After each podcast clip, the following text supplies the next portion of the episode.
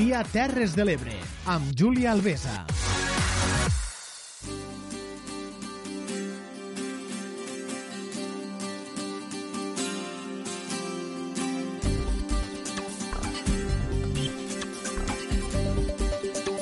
Al dia, la tertúlia.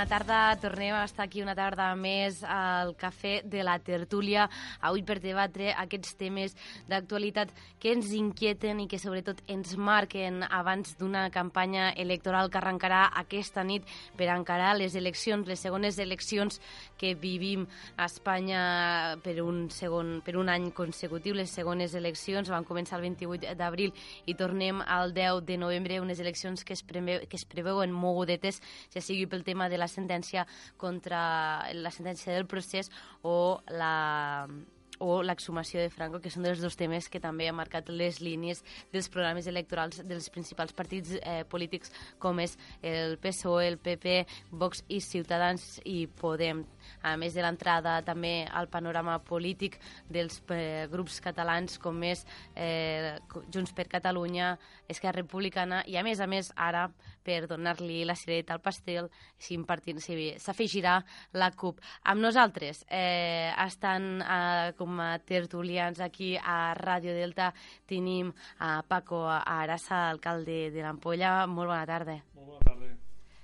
També tenim al, a l'altre costat, avui també aquí a, des dels estudis de, de, de Radio Delta tenim a Rosa Queral. Molt bona tarda, Rosa. Hola, bona tarda i de moment eh, encara no hi ha pogut arribar, però s'espera que d'aquí no res es pugui ficar també aquí a la conversa, a la tertúlia de, del Cafè de la Tarda, Enric Roig, el portadeu del, PC, del PSC a Tortosa.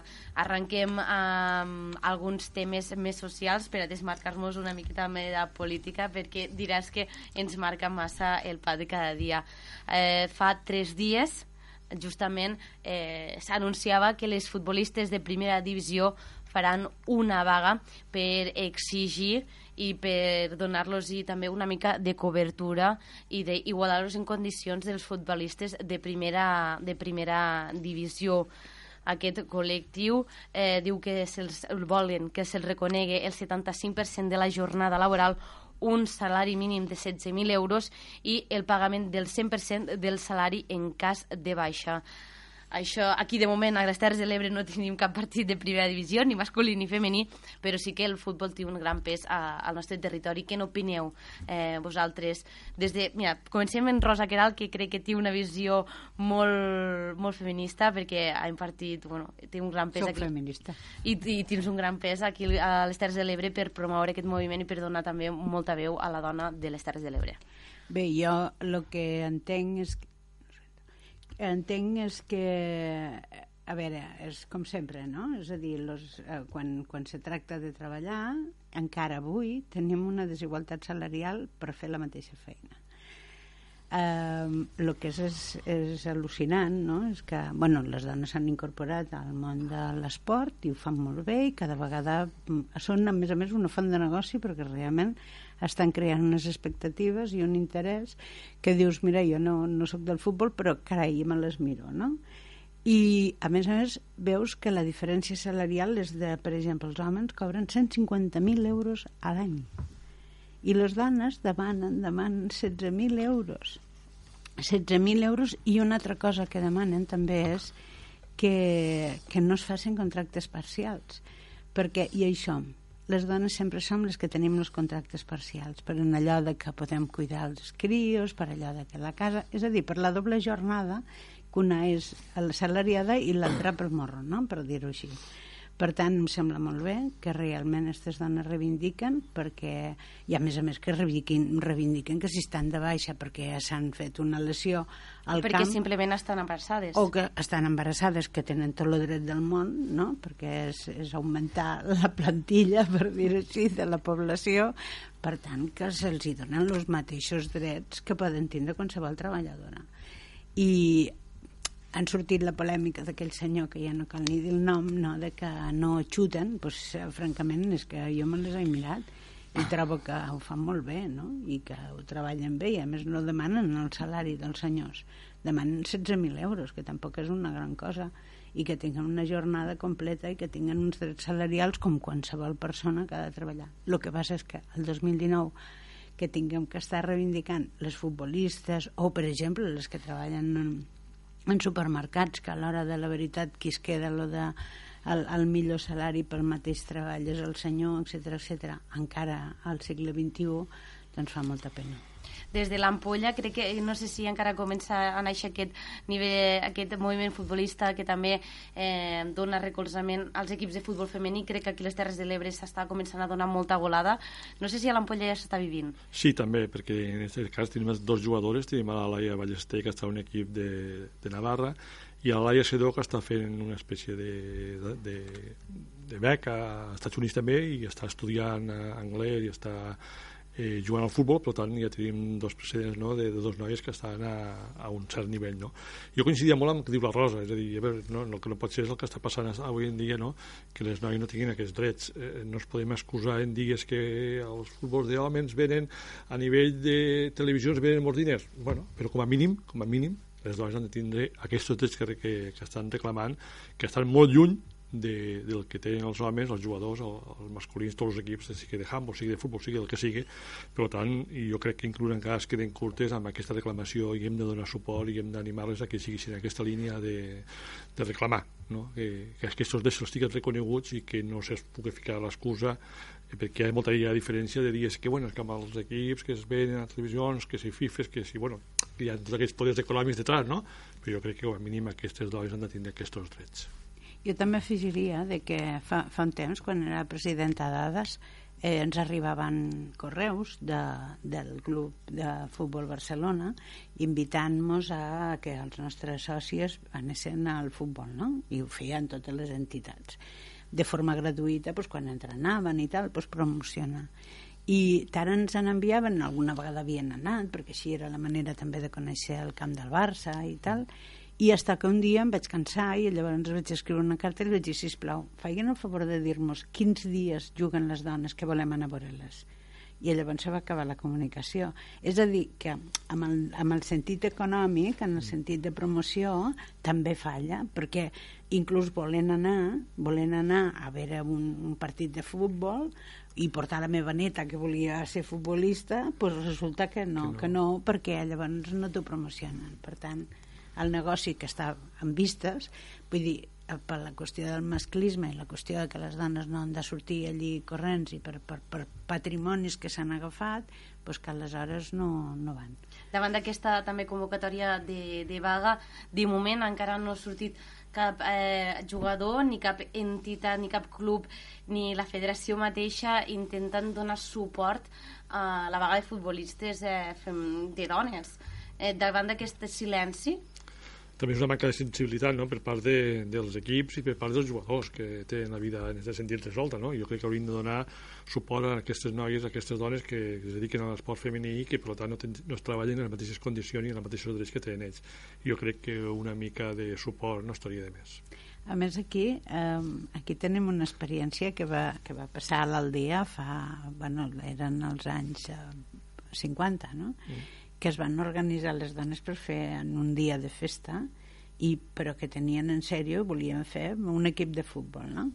llavors es van presentar i bueno, va ser una escandalera perquè bueno, es van fer anar cap a casa és a dir, que les dones que sempre han volgut jugar perquè també hi ha afició hi ha mm -hmm. dones que ho han vist vetat des de fa molts anys no? i ara que poden començar doncs, les hem d'ajudar i les hem de promocionar mm -hmm. perquè bueno, doncs és un esport igual que un altre seguit d'aquesta problemàtica una mica també lligada a, al món heteropatriarcal, per dir-ho d'alguna manera, eh, el món judicial també ha tingut bastanta batalla dins d'aquests arguments.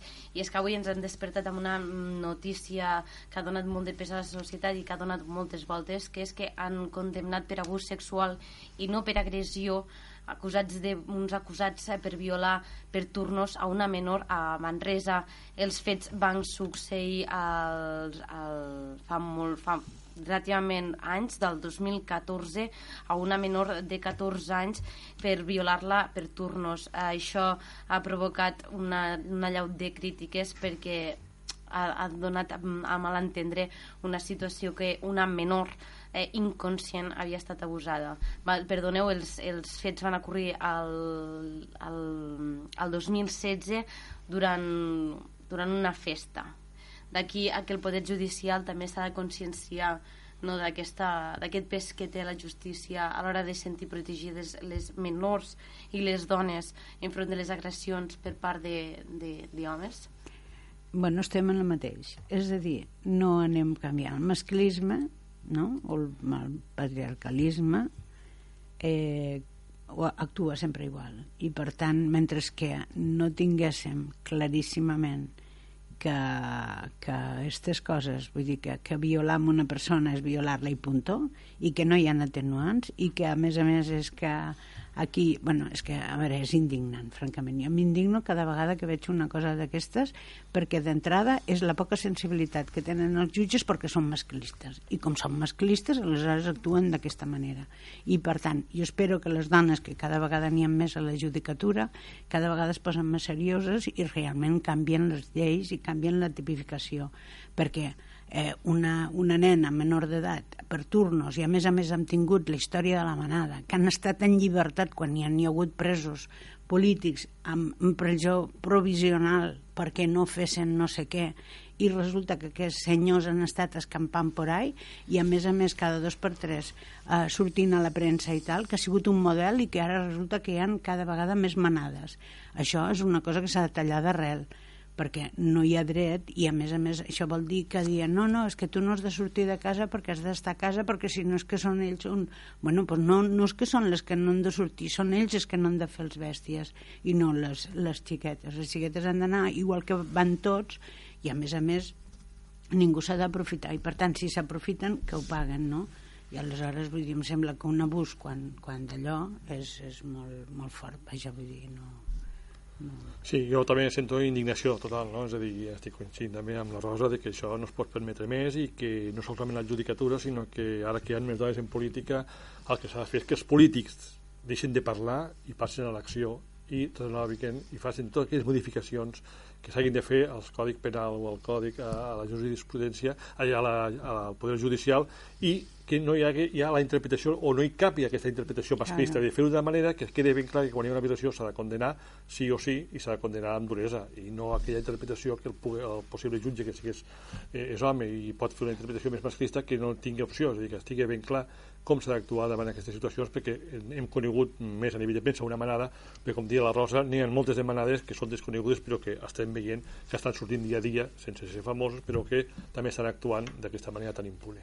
Com a alcalde de l'Ampolla on a l'estiu també es coneix com un dels municipis on hi ha bastanta festa per la nit, uh -huh. per als turismes i perquè està a prop del mar i és un dels atractius del municipi, vosaltres eh, us heu trobat en alguna vegada amb alguna situació no similar, per perquè si no ja ens haguéssim fet ressò és una situació greu, sinó amb abusos o, o amb situacions on, on es posi entredit no?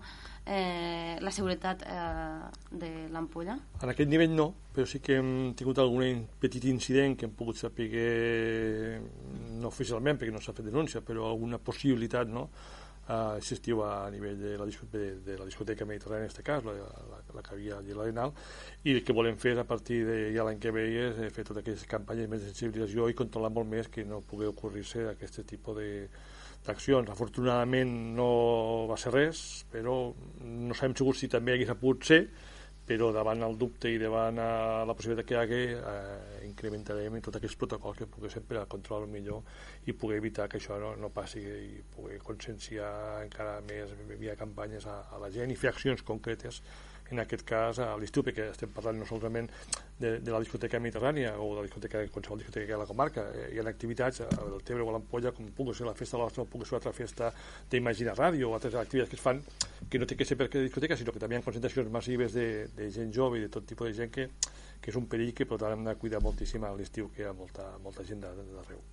Suposo, Rosa, que no sé si voldràs dir alguna perquè com a també dinamitzadora no, dels punts lila sí. que s'organitzen aquí a Deltebre, suposo que també t'estiu trobant alguna situació... A veure, mm, bueno, jo, la, la dinamitzadora d'Esporgida és, és la regidora, no? Sí. És l'Anna Jiménez. Jo l'únic que dono són, són idees i el que puc... Uh, jo crec que aquí um, tenim que apostar molt fort, molt fortes amb, amb l'educació. I l'educació a nivell de primària i secundària eh, i no solament fer-ho com una cosa, diríem, de, com a bolet, no? allò de que ara vaig jo i els explico que tal i que qual. No?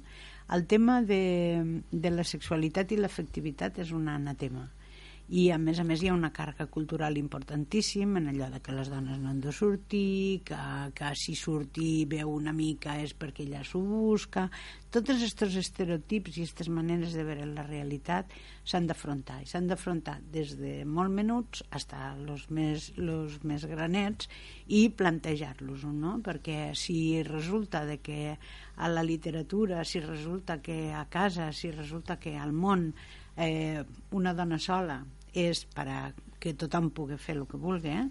pues esta creença, eh, això s'ha de canviar perquè una dona pot estar sola, pot viure sola, pot anar sola i no de poder anar atemorida tota la vida, pot sortir del treball que surti tard i, i, i, i se n'haurà d'anar a casa seva i a la millor no té ningú i no té perquè hi haurà un depredador que vagi a abusar d'ella no? i que vagi a forçar-la i que, que a més a més li intimide o el que sigui per tant, tot això s'ha de treballar i s'ha de treballar molt i moltíssim des de, eh, des de l'educació i dic i els primers, i no com allò de que busques un expert i que vingui i que en parla la canalla, sinó des dels propis professorat.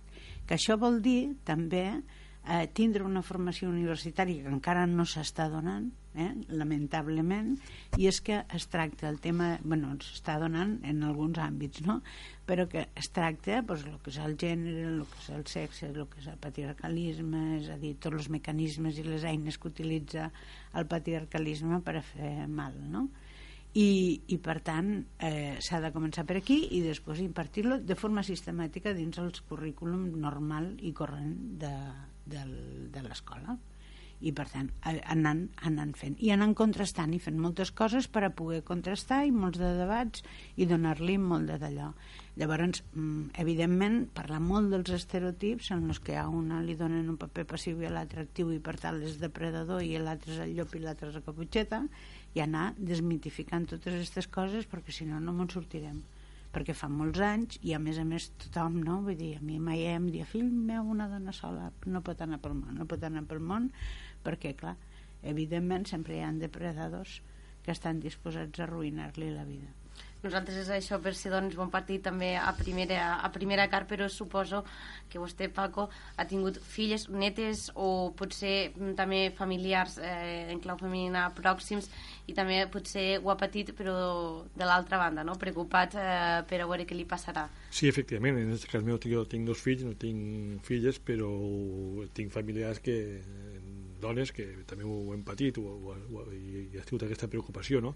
i el que em dia, com dia Rosa dir, més que fer campanyes o fer els punts líders que s'han de fer actualment però hem d'anar a educar i hem d'anar a l'escola i hem de començar des de baix si no comencem, si no fem aquest pas endavant en formar i no com anar un dia un expert o com un dia una assignatura d'un dia, no, no ho hem d'introduir a l'escola com, no com una assignatura, no sé com, però s'ha d'introduir i s'ha de començar a educar a la gent petita perquè la gent gran, com dia la mare, sempre tenen aquesta mentalitat patriarcal de que la dona no ha de sortir sola, que no ha de fer res, que no ha de... I no, això ho hem de canviar i ho hem de canviar des de, des de l'escola, des de la formació. I creieu que els joves avui en dia estan, eh, han perdut també aquest, aquesta aquesta noció no? de feminització que estan tornant una mica a, a, a ser més arrelats al sistema heteropatriarcal amb la pujada i amb tants eh, simpatitzants jovens a partits com Vox on no defensen la llei de la violència de gènere o amb persones molt joves que estan violant eh, a menors o a noies Sí que pot ser un repunt. Jo també he notat que potser, i no sé si és fruit de que no a l'escola no m'he educat o de que, no sé per què, però sí que jo he vist un repunt en la gent jove que no esperes, aquest to de... que no té com més, no? que dius, ostres, no, no hem avançat, és a dir, estem retrocedint, no? I jo sí que he observat una mica aquest punt. El que passa amb, amb aquests assumptes a nivell d'efectivitat i sexualitat que no s'explica i que a, aleshores és que tenen molta informació, sobretot a nivell de les xarxes, i a més a més som grans consumidors de pornografia, no? Llavors, clar, la pornografia és una se fa i és més oh, completament amb una visió total i absoluta masclista, és a dir, és la, és la possessió, no? És, uh, I per tant, vull dir que això mm, pot ser que, evidentment, um, provoca moltes coses, perquè després pot un pensar-se que pot anar per la vida agafant el que no seu eh, sense permís, no? I, que, i negant-se-li pues, ho pot fer. Jo no...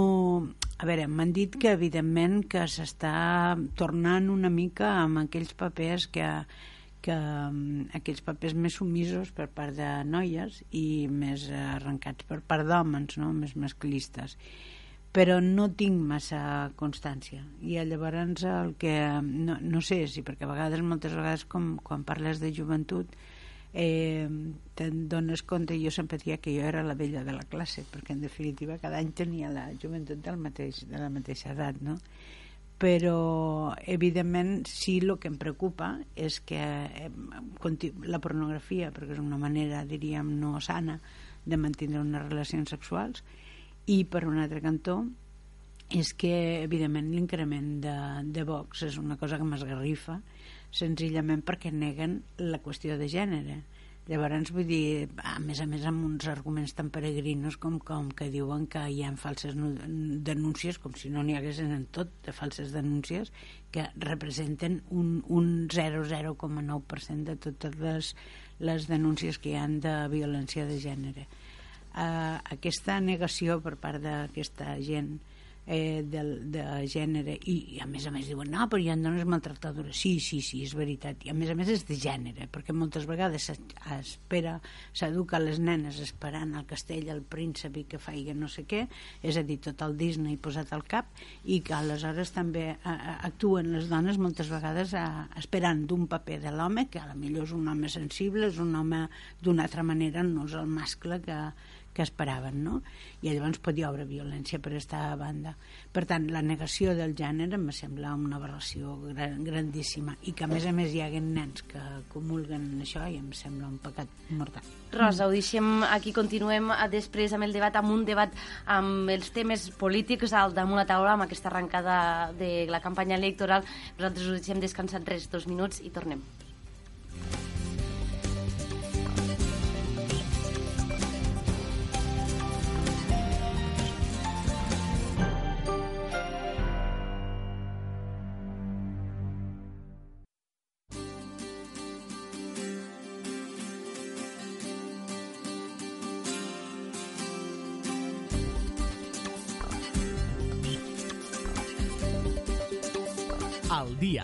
La tertúlia.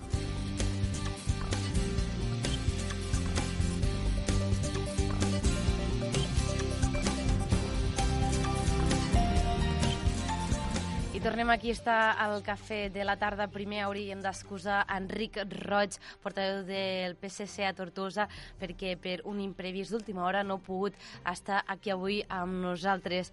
Ara continuem, però amb Paco Aras, alcalde de l'Ampolla, i amb Rosa Queral. Molt bona tarda una altra vegada. Bona tarda. Bona tarda. Continuem aquí i ara ho farem per parlar de política. Ja que estan arrencant, a punt d'arrencar la campanya aquesta electoral, la segona campanya electoral general de les eleccions generals perquè també hem tingut unes eleccions, eh, gener, eh, unes eleccions municipals a un guany eh, protagonitzen tot eh, aquests dies. No? Aquesta nit comença i comencen amb titulars com el que el govern aprova un decret per acabar amb la República Digital Catalana, mentrestant que el PSC d'aquí Catalunya li demana que torni a incloure el federalisme no? i la plurinacionalitat al seu programa eh, electoral. Eh, el procés eh, català, com, com, no, com era d'esperar, també tornarà a ser un dels puntals d'aquestes eleccions. Com se veu tot plegat? Bueno, són eleccions generals que també el 28 d'abril, és a dir, el protagonista és Catalunya i sembla ser que a Espanya no hi ha més problemes que, que Catalunya i no parlen de cap projecte, de cap mena, ni d'infraestructures, ni de serveis socials, ni de salut, ni de cap tipus de problema que tenen els espanyols ni l'atur, i sinó que es parla de Catalunya, no? I ara, pues, bueno, eh, en la voluntat aquesta de, de, de, no sé si de ficar portes al camp, però intentant tancar aquesta plataforma digital no? que, que, que té la Generalitat i, bueno, i l'únic argument que tenen i l'únic que sembla ser que els dona vots és aquest atac constant a Catalunya i tant el Partit Popular com el Partit Socialista com Vox i com Ciutadans eh, a veure qui la diu més o a veure qui fa més per a, per a poder guanyar vots a, a, a costa de Catalunya. Pescar aquests vots. És molt, la, és molt lamentable. O sigui, és molt lamentable que per un, per un partit polític que, per un no, per uns quants que ja els ha citat del Paco, que tinguen que guanyar unes eleccions i ho tinguin que fer amb un boc expiatori com és Catalunya i a més a més contínuament, perquè és que és per a l'avorriment ja de contínuament amb la mateix van a començar demanant firmetes contra Catalunya, que és el que diuen, que era contra l'Estatut. El 2008. El 2008, que jo me vaig trobar a Madrid demanant-me eh, la meva signatura contra Catalunya, així m'ho van dir, i van continuar demanant, jo a la Porta del Sol també me'n recordo una altra vegada, demanant contra el català, i no paren, no paren. És a dir, és el que has dit tu, que no hi ha problemes aquí, és que a veure, és que estan posant al, a l'Estat en un estat d'indigència continuada. Perquè, clar, vull dir, si tu l'única cosa que tens al, al d'allò, l'únic que guanya és fomentar l'odi, fomentar l'odi contra Catalunya i contra els catalans, el que, eh, home, vull dir, jo tinc molt bons amics fora i francament hi ha hagut un, un temps que no m'han parlat, eh? perquè allò que, no, vull dir, els feia cosa perquè clar, estan tot el dia, tot el dia, tot el dia, tot el dia es matxaquen en el mateix. Per tant, a, a més eh, veus un partit en què, bueno, era d'esquerres, que ara que diu sempre miraré miraré a, a la izquierda dic, pues si mires a l'esquerra que estàs a la dreta, no? Com deia una persona l'altre dia pel, pel Twitter. A, a veure, deixen el federalisme, que era una cosa que molta gent creia que, bueno, que vam creure en un moment determinat que realment això seria així, sobretot eh, després el, del 78, que hi ha, hi ha molta gent que jo, per exemple, en aquella, en aquella era més per la ruptura i no per la, per la d'allò, però ara en aquests moments, francament, és una indignació. I després és no entendre que el món canvia i que hi ha que parlar i el que no es pot és anar amb, amb aquells partits no, que, que volen l'estat-donació d'aquella manera tan, tan bèstia i que, i que s'ha de parlar amb tothom. I el que no és que si no, no s'entenen i a sobre no han aprovat l'examen convoquen un altre examen i es tornen a, parlar, a presentar els mateixos i a més a més sense portar un examen com cal. Uh, jo francament estic molt indignada Sí, sí, és que és això, jo també una indignació total, no? I tu veus que, com, com pot ser que els votants de, de la resta de l'estat, de l'estat espanyol, no els preocupi que, què passa amb les seves pensions, què passa amb salut, en les polítiques mediambientals, és a dir, no, no hi ha ningú que parli d'aquests temes, és a dir, només es parla als mítings, ja, ja, farà un, fa, hi haurà mítings per la televisió, i el 90% del debat serà Catalunya, Catalunya, Catalunya. I no, jo no sé com pot ser que els, els ciutadans espanyols, els votants, no els preocupi eh, que es parli d'altres temes de política, de política general, que els, fa, que els afectarà el dia a dia dir, simplement aquesta obsessió de Catalunya, Catalunya i Catalunya. Han trobat el boc expiatori i a més a més amb el que dius de les pensions que hi ha un grup de gent que realment se mobilitza per les pensions mm. perquè clar, vull dir, hi ha moltes coses hi ha gent que té unes pensions molt, molt depauperades i a més a més vull dir, pagues el IRPF que jo dic quin rendiment el, el treball personal faig jo que estic jubilada no?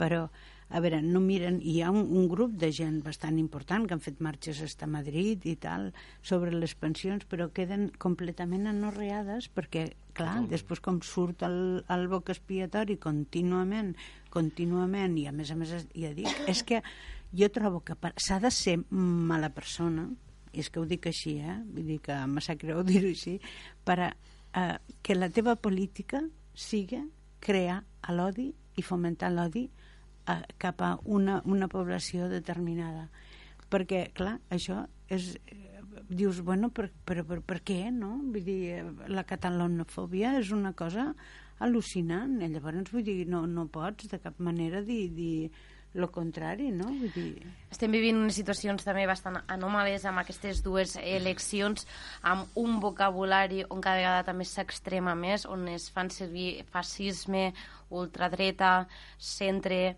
paraules que potser a vegades no, no, no, no s'acoten a la realitat i partits on sobresurten i on tenen també un discurs molt marcat des de vostè com a posició més de ciutadana i vostè com a més polític, eh, quina lectura en feu no, d'aquest eh, de partits com Vox, com Ciutadans, que a vegades tenen com un discurs també molt compactat, molt hermètic, molt també que fa molta olor a discursos que ja s'havien vist abans de fa 40 anys. Vosaltres us creieu que estem en un període cíclic de la història política d'Espanya? Jo crec que s'ha tret de l'armari... A veure, s'ha tret... S'ha obert l'armari i ha sortit el que hi havia. Perquè, a veure, en, en, el, en el 78 hi havia la ruptura i el continuem, no? I ni me'n recordo, la transició. La transició es va fer d'una manera que va quedar una part de la població molt tocada perquè estaves lluitant, perquè estaves lluitant clandestinament, perquè es va fer moltíssima cosa, no?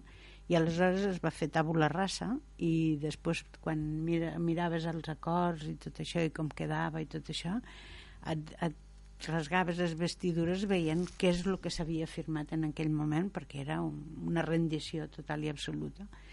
I clar jo trobo que la paraula feixisme ha sortit perquè les actuacions que es fan, o sigui, quan diu, per exemple, la Guàrdia Civil que el, el tsunami democràtic és, és terrorista, jo no, no ho acabo d'entendre. No? no ho acabo d'entendre, no ho veig en lloc. Quan, quan a més a més el sentes amb, amb dir que, que el reivindicar al carrer, que el reclamar, que el manifestar-se és terrorisme, encara m'al·lucino més. Pèrdua de drets, no? Exacte uh, quan veus que hi ha el dret de manifestar-se, quan veus que hi ha detencions que, que, que a més a més estan amb, l'Audiència Nacional, que és l'antic top, i que, i que veus que hi ha uh, un xaval o dos que estan aïllats, que no tenen llum, segons han dit els seus abogats, que no poden parlar amb la família i tot això, a mi me recorda als meus anys de jove que realment llavors estàvem en una dictadura i ara diuen, no, no, no, perquè tu pots parlar i jo puc parlar aquí per la ràdio, segur que m'agrada però que, que evidentment eh, veus unes coses que, que ja les havies vist i per tant m'alarmo perquè no era això el que no era això el que volíem, no? No era això el que esperàvem d'un estat democràtic i clar, eh, quan diem de que no es parlen ni de la sanitat ni res i que a més a més estan avisant de que hi haurà una recessió important i, i que llavors també serà culpa de Catalunya pues sí, per fer les manifestacions i no haver anat a treballar. Sí, també una mica en el que deia la Rosa, no? és a dir, està sorgint tota aquesta forma d'actuar i de, de fer de, de fa molts anys i també crec que és fruit de, de, de l'odi i del com impedim que Catalunya avanci, com impedim que, que, que Catalunya se'n surti en la seva, no? I ho estem veient en tot, en les detencions, en el tipus de manifestacions, és a dir, aquests dies, és a dir, quan el món estudiantil sempre ha sigut capdavanter en mm. reivindicar, mm. en opinar, en parlar, en fer vagues, no? Mm. I ara estan criticant que hi ha universitats que se, se posicionen en defensa en contra de la sentència, sempre. que és que no ho han fet quan la guerra d'Iraq, a tot Espanya, que és que no ho han fet pel tema de defensar la dona o de la, defensar els homosexuals o de defensar altres coses, que no ho han fet per l'avortament. Però ara, com és per Catalunya, això no es pot fer. Això, és, això és, forma part, això és parcial, però és que s'ha fet sempre. S'ha fet sempre i a tots els països. És dir, una altra cosa que potser tu t'ensutis la teva o no, i sigues més prudent al moment de fer una manifestació, o no, no sigues molt violent, però opinar les universitats i els, i els estudiants, però és que no s'ha fet altre. Tota la vida. Tota la vida, i en tots els temes, i quan la guerra d'Iraq me'n recorda, i quan el tema de l'avortament, i quan entra sí o no a la OTAN... I quan lo d'Argentina... I quan lo d'Argentina, no, no estan opinant. Dir, I ara no es pot opinar perquè Creieu els que... professors i els alumnes parlen de Catalunya després els polítics. Creieu que això és per la mancat de... o perquè hi ha un buit intel·lectual dins d'Espanya, de, de, Catalunya, de quasi bé totes les comunitats autònomes que siguen que predecessors d'una opinió pública bastant mm, fundament, o sigui, que tingui fonaments? Creu que, aquesta, que, que la figura dels intel·lectuals Jo perquè acabo de veure la pel·lícula de Mientras dura la guerra d'Almenàvar Ah, i he vist la... La Sí, la veritat és que la recomano. I la figura de, que destinaven Humanumo, no? Eh, davant de, sent el rector de la Universitat de Salamanca, Mm. que també li van fer, fer posicionar. Eh, crec mm, mm, intel·lectuals de gran talla d'aquí a Espanya, eh, ja siguin d'esquerra o de dretes, crec, creieu que hi ha una manca? O sigui, que hi ha gent que, que fa, necessitem referents eh, intel·lectuals dins de, del país? Jo crec que en tenim de referents, o sigui, hi ha gent molt bona, i a més a més en tenim molta que està empresonada, precisament, no? Però vull dir que en tenim, tenim bons referents a nivell de...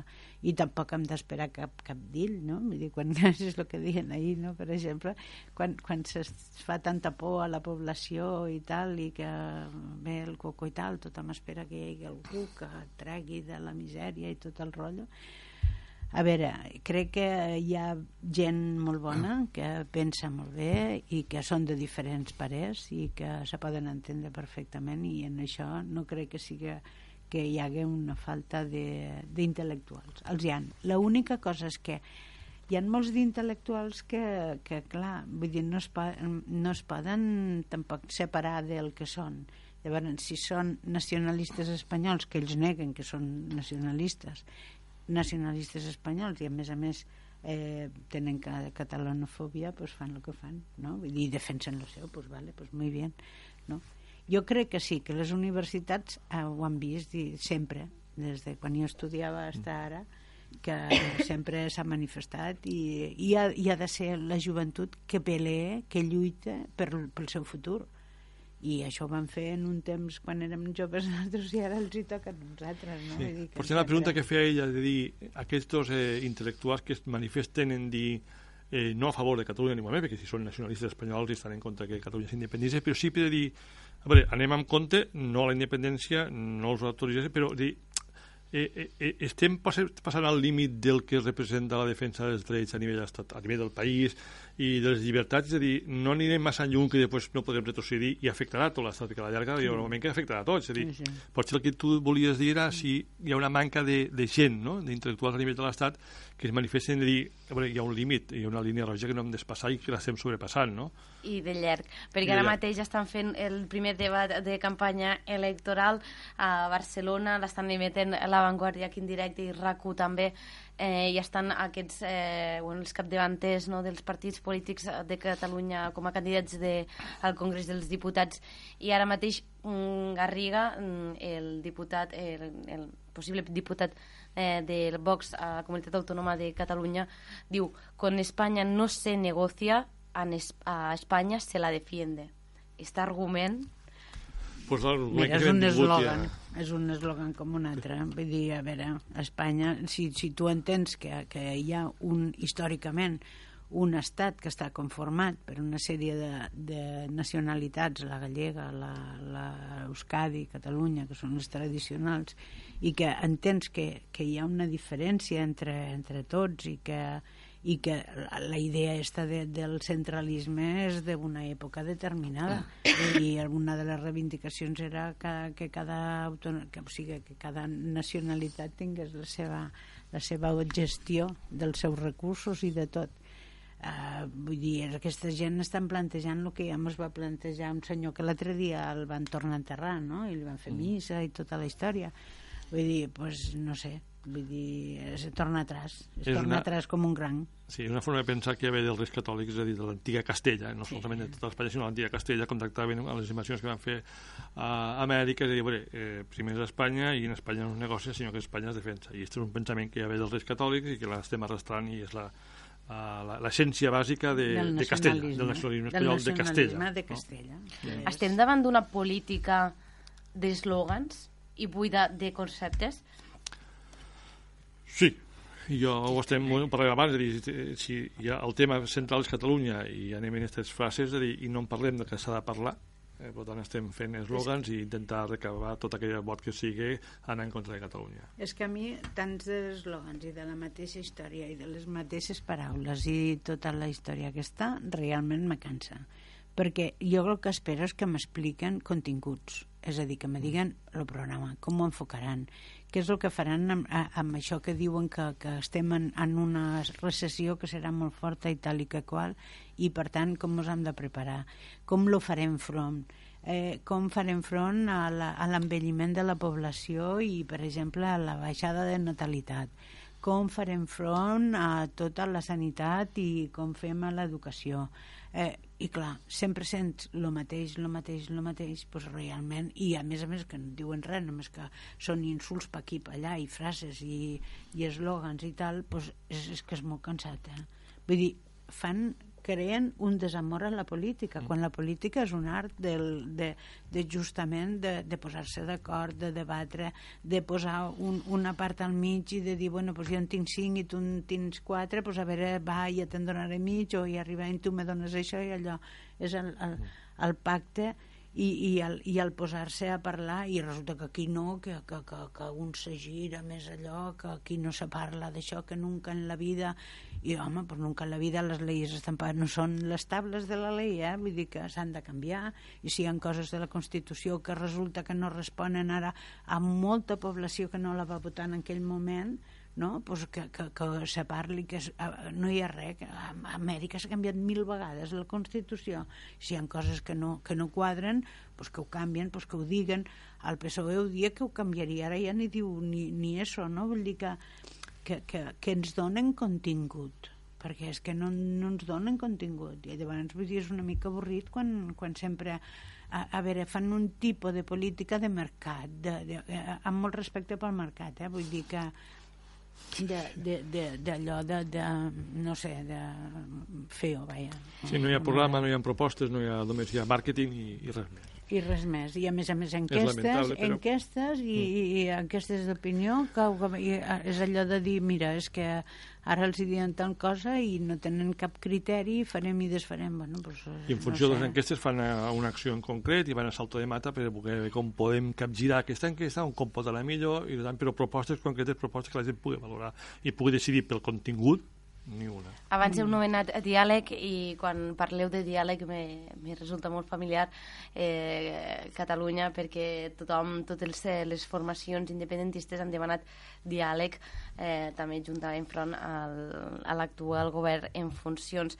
Tot i així, volia desviar una mica el tema del debat i enfocar-lo ara mateix en uns pressupostos a Catalunya que estan prorrogats des del 2017 que ara s'hauran d'enllestir-ne uns de nous, hauran de sentar-se, parlar, negociar, i si no se torna a aprovar estem abocats a unes eleccions autonòmiques. Així de clau va dir el vicepresident d'Esquerra Republicana, Aragonès, i tot apunta a que les últimes eh, esquerdes entre els partits poguéssim arribar a tindre unes eleccions.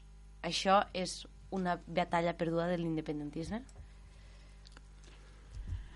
És una batalla perduda de la política, perquè la política el que ha de fer és negociar, és negociar i parlar, i és arribar a acords. I llavors, si cada vegada que no d'allò el que volem és muntar un sidral per a estar jo i jo i més jo, si hem de passar del, de, del, del 28 d'abril al 10 de novembre perquè no s'ha sigut capaç de fer unes eleccions i arribar a acords, eh, pues, pues, eh, jo trobo que això és, no està bé Vull dir, el que s'ha de fer és mirar de que si realment volem assolir objectius comuns ens posem d'acord i deixem-nos estar de punyetes i anem a fer el que ens convingui. I si el país necessita que s'aproven uns pressupostos, fem lo possible, home.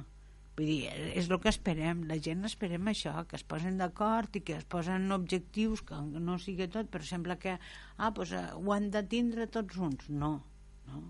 A veure, eh, pactem que per, a, per a algo està no? Vull dir, la política és això i no de dir, ah, doncs mira, oh, s'ha acabat Bé, sembla de pati de col·legi ah, no, doncs no, doncs ja convocaré eleccions vale, pues estupendo, com, com ho paguem tots jo també crec que el fracàs és un fracàs de la política perquè la política s'ha de basar en el diàleg i en pactes i en avançar no? i en poder trobar el punt comú que, que, que tots ens trobéssim a gust no? I jo crec que és bàsic que se puguin aprovar aquests pressupostos. Hem de fer l'esforç perquè el dia a dia hem de seguir treballant. Nosaltres tenim un objectiu com és la independència de Catalunya i, i avançar amb el procés però el dia a dia la gent té problemes i per tant han de saber capaços de avançar en la línia del, del procés, en la línia de convèncer Europa o d'internacional el procés i poder avançar en aquest camí cap a la independència, cap a la nova república, però hem de ser capaços de poder negociar amb altres partits no independentistes, clarament, per poder aprovar uns pressupostos i poder tirar endavant i poder donar servei a la gent. Són pressupostos, com tu digues, del 2017 i, per tant, eh, no podem estar al 2020 amb uns pressupostos de fa tres anys i hem de fer l'esforç màxim, com diu la Rosa, de parlar amb els altres partits polítics aquella gent que tingui una mica de seny i que pugui, que no es fiqui també a la compte pel simple fet de que el govern sigui independentista, perquè el govern tingui, estigui format d'uns certs partits polítics, sinó que buscar com negociar, com arribar a un acord i com se diguin aquells temes que, bueno, és que de vegades eh, us, us demanen una cosa, altres demanen una altra, és arribar al punt mig, i jo, com dia Rosa, jo t'ho dono a mi, tu m'aproves això, jo t'ajudo amb allò, però és bàsic, bàsic, sense eh, deixar de banda l'objectiu final, és bàsic eh, aprovar aquests pressupostos i intentar buscar arribar a una cosa amb altres partits polítics. Diàleg, pacte, eh, a vora tocar també aquestes eleccions, eh, no és inevitable pensar amb el seu resultat. Creieu que si torna a guanyar els socialistes necessiten el recolzament dels partits catalans, com històricament ja s'ha necessitat per a tirar endavant un govern fort i tirar endavant i desbloquejar aquesta situació política. Eh, creieu que Esquerra Republicana eh, seguirà, o Junts per Catalunya seguirà en contra de lo que estan dient ara a la campanya electoral? Per una ascendència? Jo, jo no ho sé, però no ho sé perquè això és futurible i no, no tinc cap bala de vidre per a veure. Jo sempre penso de que la nova política no és les grans polítiques de grans partits, sinó que hi ha, hi ha, està més fraccionat i per tant l'entesa és, és bàsica i fonamental per a poder arribar a acords i, i deixar de banda la política obstruccionista perquè és el que s'està no? Vull dir, per a mi la política que veiem avui és una obstrucció constant a l'altre perquè no és allò de no és el, el que tens un, un, una persona, vull dir, tens un grup que, que, bueno, que vol arribar a la mateixa fita que tu i per tant bueno, pues, pues tens la competència però la competència eh, ha de ser en un límit, no amb obstrucció de tot el que fa l'altre i tal, no?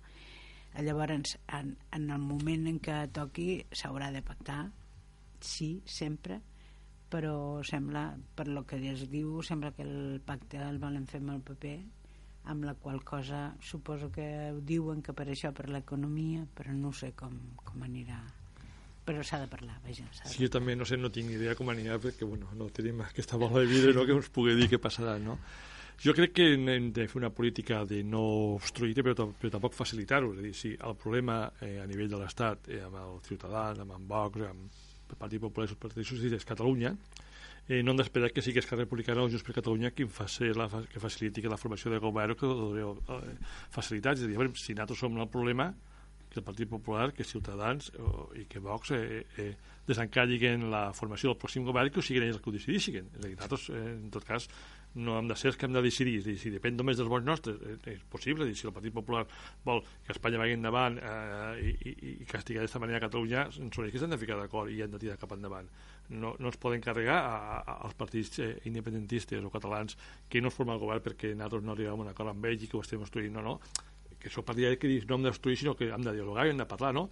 Però que si el Partit Socialista té una majoria, té uns partits al costat que són els que li han de garantir formar govern. I després eh, eh, està clar que si s'ha d'aprovar una llei o s'ha d'aprovar una normativa i que sigui a nivell estatal i és bona pel país, eh, Catalunya o per Espanya l'hem d'apoyar i l'hem de portar el que sigui necessari, no? Però no pot dependre del govern de, dels partits nacionalistes o partits independentistes catalans, és a dir, que depengui d'aquests partits que en aquest moment estan fent campanya per en contra de Catalunya, per tant, que apoyin el president que tingui més, més, més diputats per a que tingui endavant aquest programa que només té un programa que és en, anar en contra de Catalunya. I com resulta que no parlen de pensions ni parlen de què farem amb l'endeutament que tenim del 100% del producte interior brut i que d'això no en parlen i no hi problema a Catalunya però quan s'hi ficaran d'acord poden fer un govern quatre partits sense cap tipus de problema. Sí, un partit de nacionalistes espanyols espanyol, en, per tant tindrien quasi 300 diputats o... Sí Doncs moltes gràcies, ha sigut un, un debat bastant igualat. Aquí heu anat, lo, heu anat lo, vosaltres dos amb la mateixa línia. Ha sigut una llàstima no poder comptar amb Enric Roig, que segurament que ens hagués donat la cirereta del pastel d'aquest debat. Moltes, gràcies, moltes gràcies, Paco Arassa, alcalde d'Ampolla. Gràcies a vosaltres per haver-me invitat. I moltes gràcies, eh, Rosa Queralt, per tindre't un cop més aquí a Ràdio Moltes gràcies a vosaltres, és un gust vindre. Doncs eh, moltes gràcies també per donar per finalitzada aquesta tercera hora de Al dia Terres de l'Ebre amb aquesta cafè de mitja tarda per a punt d'arrencar també aquest pont de, de la Castanyada. Moltes gràcies per estar un cop més amb nosaltres. Que passéssiu bona castanyada i fins dilluns.